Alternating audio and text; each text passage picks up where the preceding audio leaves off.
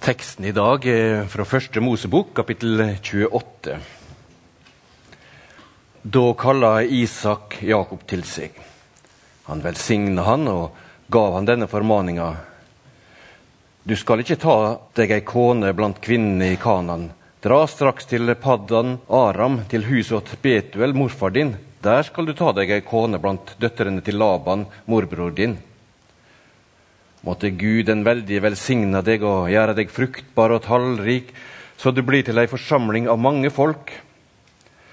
Måtte Han gi deg og ett av de Abrahams velsigning, så du kan ta i eie det landet du bor i som innflytter, landet som Gud gav Abraham.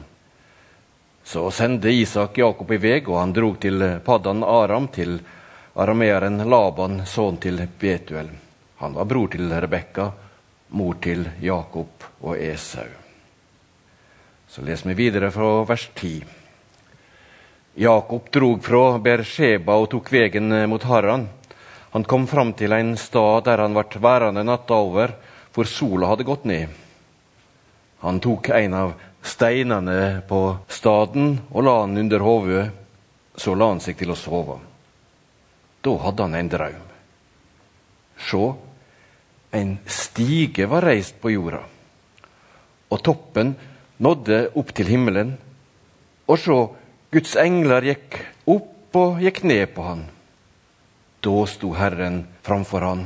Han sa, Jeg er Herren, Gud til far din, Abraham og Isak. Den jorda du ligger på, vil jeg gi til deg og de ett. Ett av de skal bli som støvet på jorda, du skal breie deg ut mot vest og aust, mot nord og sør. Og i deg og i di ett skal alle slekter på jorda velsignast. Sjå, jeg vil være med deg og verne deg hver dag du enn går, og føre deg tilbake til dette landet. For jeg skal ikke gå fra deg, men gjøre det jeg lovet deg. Da vakna Jakob av søvnen og sa, Sannelig, Herren er på denne staden og jeg visste det ikke. Han ble redd og sa, Hvor skremmelig denne staden er. Dette må være Guds hus. Her er porten til himmelen. Om morgenen sto Jakob tidlig opp. Han tok steinen han hadde hatt under hodet, og reiste han opp som ei støtte. Så helte han olje over han. Han kalla staden for Betel, men tidligere het byen Lus. Så gav Jakob denne lovnaden. Om Gud er med meg og verner meg på vegen der jeg går, om Han gir meg brød å ete og klær å ha på meg, og let meg vende attende til farshuset mitt i fred, da skal Herren være min Gud. Denne steinen som jeg har reist som ei støtte, skal være Guds hus. Av alt du gir meg, skal jeg gi deg tiende. Slik lyder Herrens ord. Ja, stige hva forbinder dere med en stige? Er det lenge siden dere har spilt uh, stigespill? Husker dere reglene? Ja. De som har barnebarn eller de som har små barn, de holder på med det fortsatt. Det er altså et uh, merkelig spill som fascinerer generasjon etter generasjon. Og Det handler om at du begynner helt nederst til venstre, og så går du bortover, triller terning, og så kan du ha flaks og komme på en stige som gjør at du kommer to hakk opp eller tre hakk opp men du kan også ha uflaks og ramle ned igjen rett etterpå. Det beste ville kanskje vært å bare gått rolig oppover, ikke komme inn noen av disse stigene. Men sjansen er også da stor for at du taper for det går for seint. Stigespillet det tenker jeg kan være et sånn satirisk bilde på livet. Dette om alt er styrt av tilfeldigheter, eller er det, noe, er det god eller dårlig karma? Er det bare god og dårlig flaks?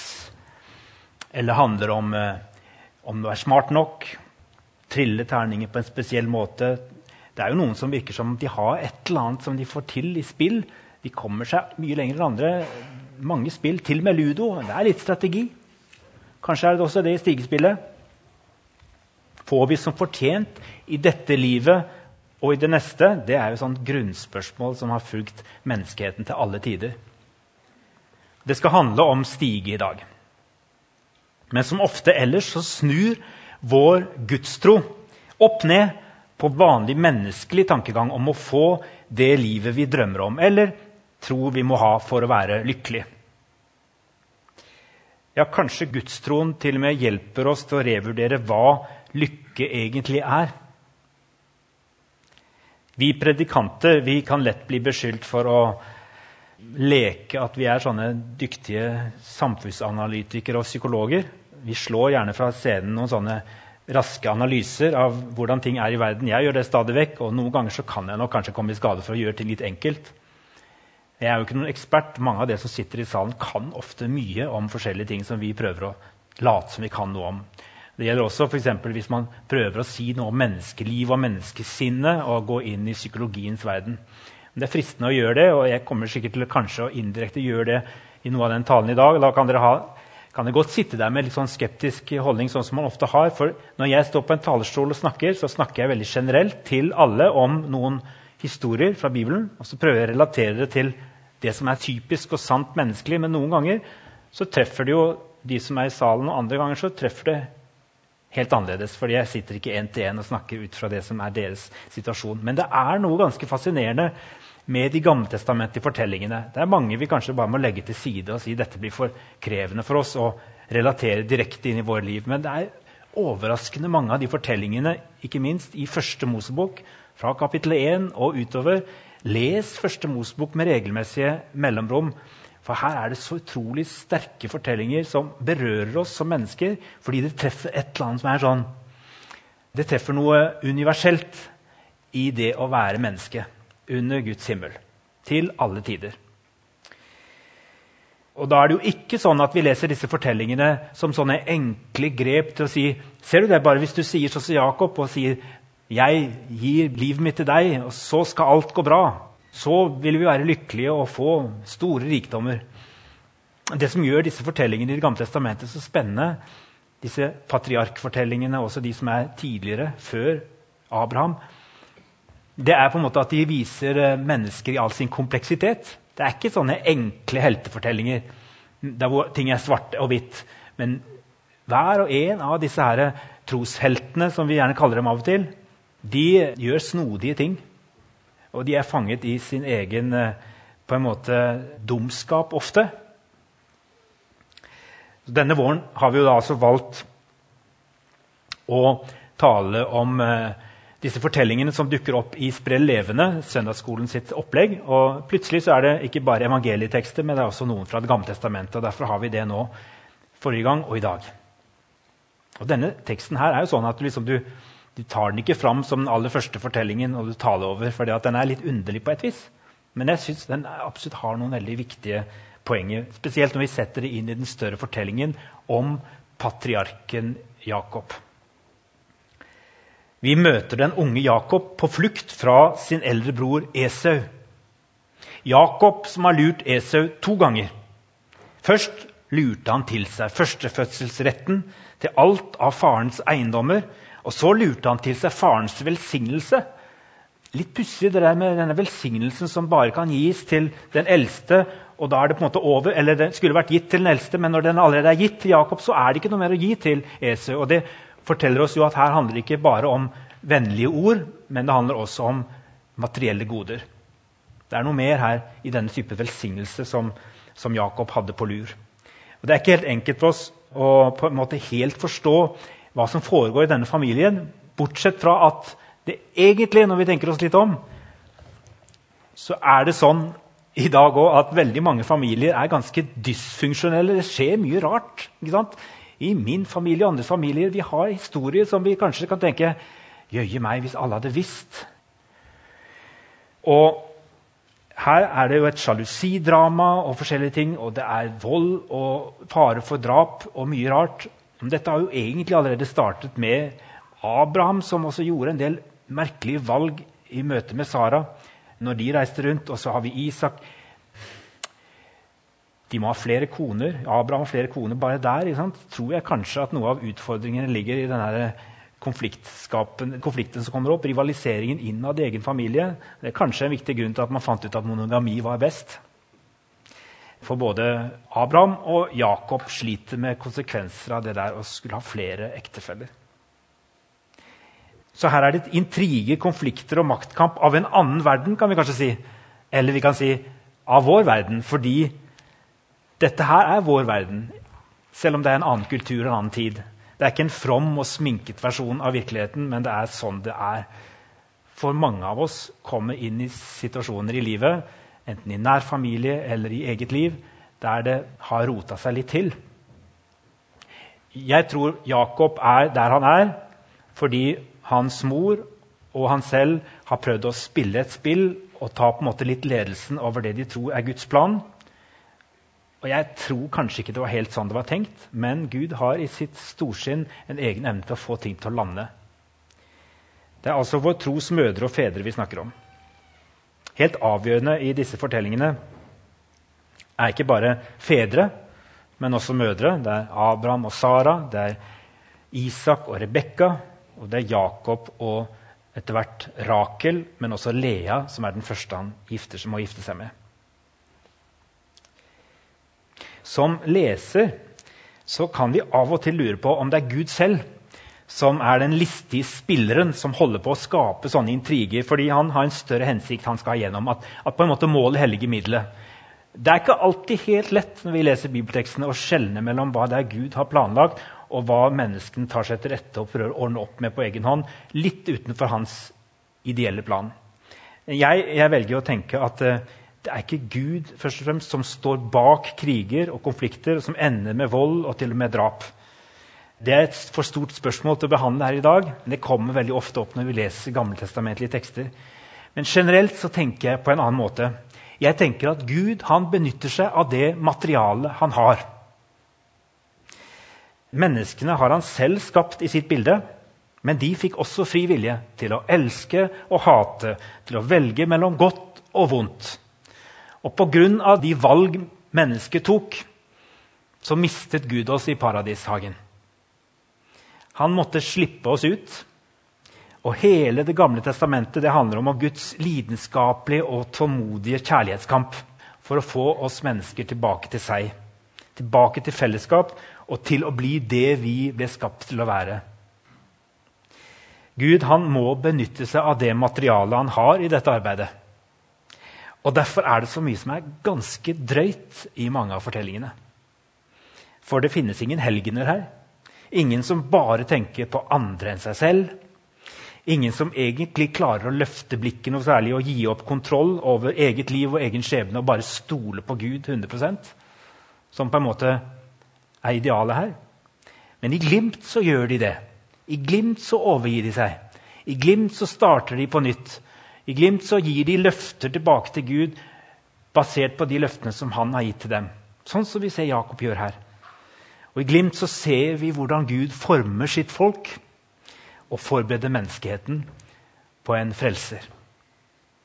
I dagens fortelling fra 1. Mosebok 28 så er det altså Jakob på flukt. og Der ute i ødemarken, på vei til Haran, onkelens hjemsted, så legger han seg ned for å sove, for det er seint. Og det er da han får en merkelig drøm. En drøm som handler om en stige som går rett i himmelen, som vi har fått så fint illustrert her fra cellegruppa. Jeg tror dette er Jakobs kallsfortelling på linje med fortellingen som vi har av Abraham og Isak.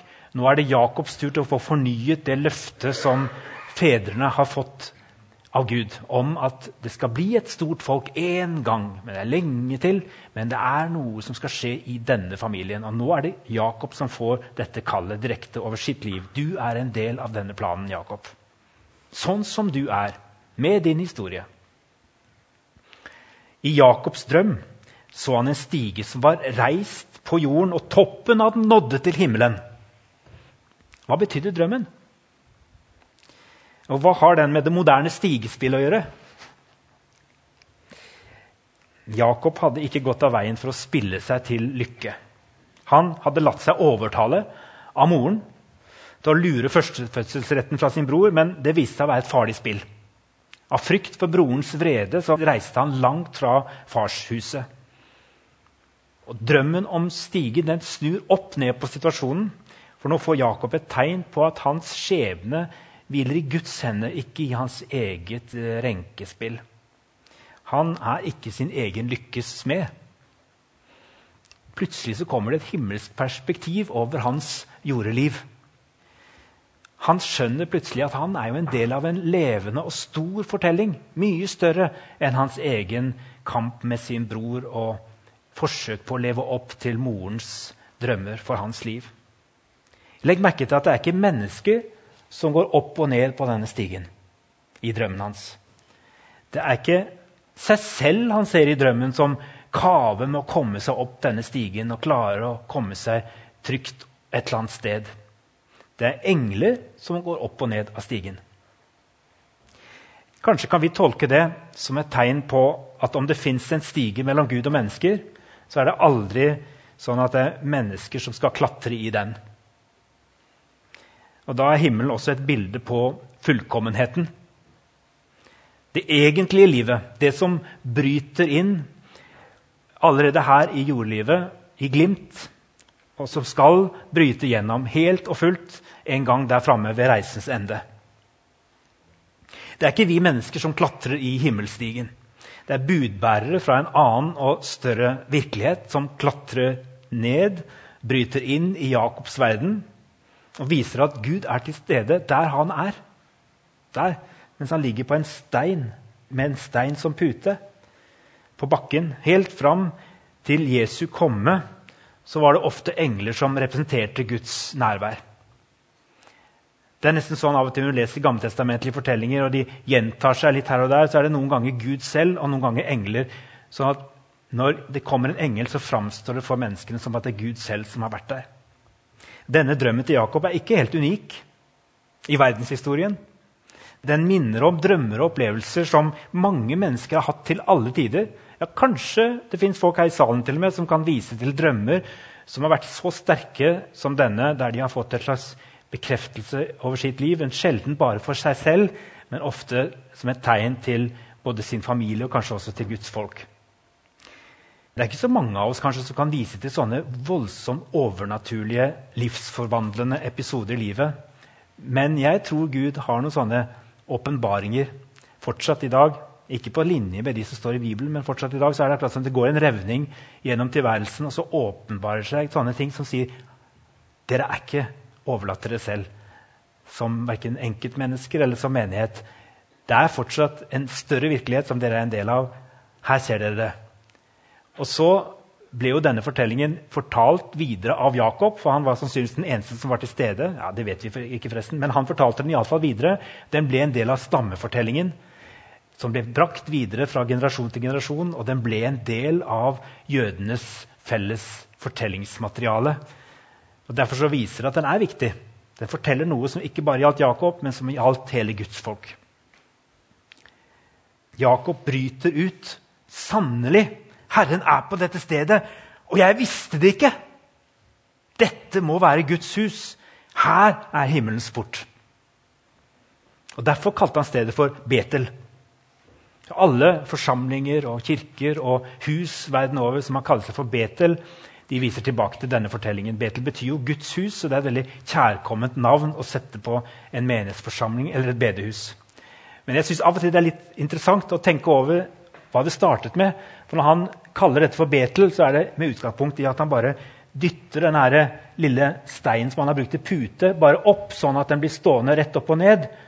Og så er det da 'Dette er Guds hus', sier han. Og så tenker vi jo gjerne at når vi bygger virkelige gudsrike plasser her på jorden, så har vi jo en tendens til ikke bare å bygge veldig store og prangende hus for å gjenskape dette nærværet og tenke at det er kanskje det som må til. Men vi mennesker også, vi gjør også ganske sterke forsøk ofte på å skape en atmosfære av gudsnærvær. At Gud er på dette sted. Og Det er egentlig ikke så forferdelig vanskelig. Jeg kan godt trene meg opp, og noen ganger så kan dere sikkert mene at jeg gjør det. Vi kan godt trene oss opp som sangere her framme, og jeg som taler, for å skape en atmosfære sånn at dere føler at Gud er her på en spesiell måte. Det er ikke så fryktelig vanskelig å skape det med menneskelig kraft. Det er teknikker og måter jeg kan bruke, sånn at dere blir følelsesmessig engasjert, og jeg kan få musikerne med meg, og vi kan synge spesielle sanger. Vi kan gjøre en god del som kan være litt sånn som jeg av og til føler at man gjør og da får dette navnet lov til å bare symbolisere det steder som vi kaller for Betel. Og som vi tenker her skjer det noe helt spesielt. Og hvis det ikke skjer, så må vi kanskje hjelpe til litt.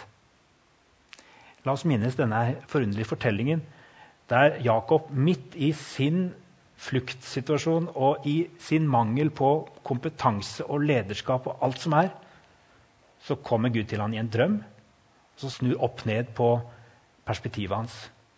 Og det er da, når han opplever at Gud liksom kommer til han, der han er, i hans fattigdom, at han bryter ut 'Gud er på dette sted', på tross av meg. Jeg visste det ikke. Jeg gjorde ikke noe forsøk på å skape, skape dette tynne stedet engang. Du bare kom. Har vi den forventningen? Guds nærvær midt iblant oss det er både mye vanskeligere og mye enklere enn vi ofte tror. Det er å forstå den vanskelige sannheten at Guds hus ikke handler om våre byggeferdigheter. Det handler om å la Gud få være Gud i våre liv. Å slippe Han til og stole på Han i en verden som skriker om det motsatte. Som skriker om at du må stole på deg selv og bygge ditt eget hus. Historien om Jakob er en tidløs fortelling om at vi ikke får som fortjent. Heller ikke at vår skjebne er styrt av flaks og tilfeldigheter. Og Det er Gud som i sin frelsesplan har plassert en stige og en port mellom jord og himmel, tid og evighet. Den stigen og den porten er Jesus Kristus. Hele Bibelen handler om Jesus, peker mot Jesus. Det skjedde noe med Jakob etter dette møtet med Gud. For nå snur nemlig spillet. Det er ikke sånn at alt blir bra. På langt nær. Men perspektivet hans er kanskje litt annerledes. Han tror jo at han skal til et trygt sted. Han skal til onkel Laban og tenker at nå skal han få lov til å være der. Og så møter han en Laban som kanskje bare er litt lurere enn Jakob. I hvert fall en stund. Og så prøver Jakob å ta tilbake etterpå. Men det starter jo med at han blir forelsket i Rakel, og så sier han at hvis jeg jobber for deg gratis i sju år, så får jeg vel Rakel. Og det skal han få. Så løftet er gitt. Men så husker dere historien. Etter sju år så lurer Laban Jakob til å gifte seg med Lea. Stakkars Lea, som blir ført inn i dette her ekteskapet på den måten. Våkner neste morgen og ser det var Lea, står det.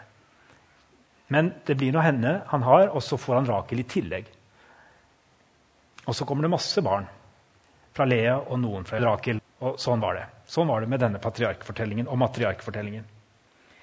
Onkel Laban hadde sin egen agenda og den må da på en måte Jakob være med inn i.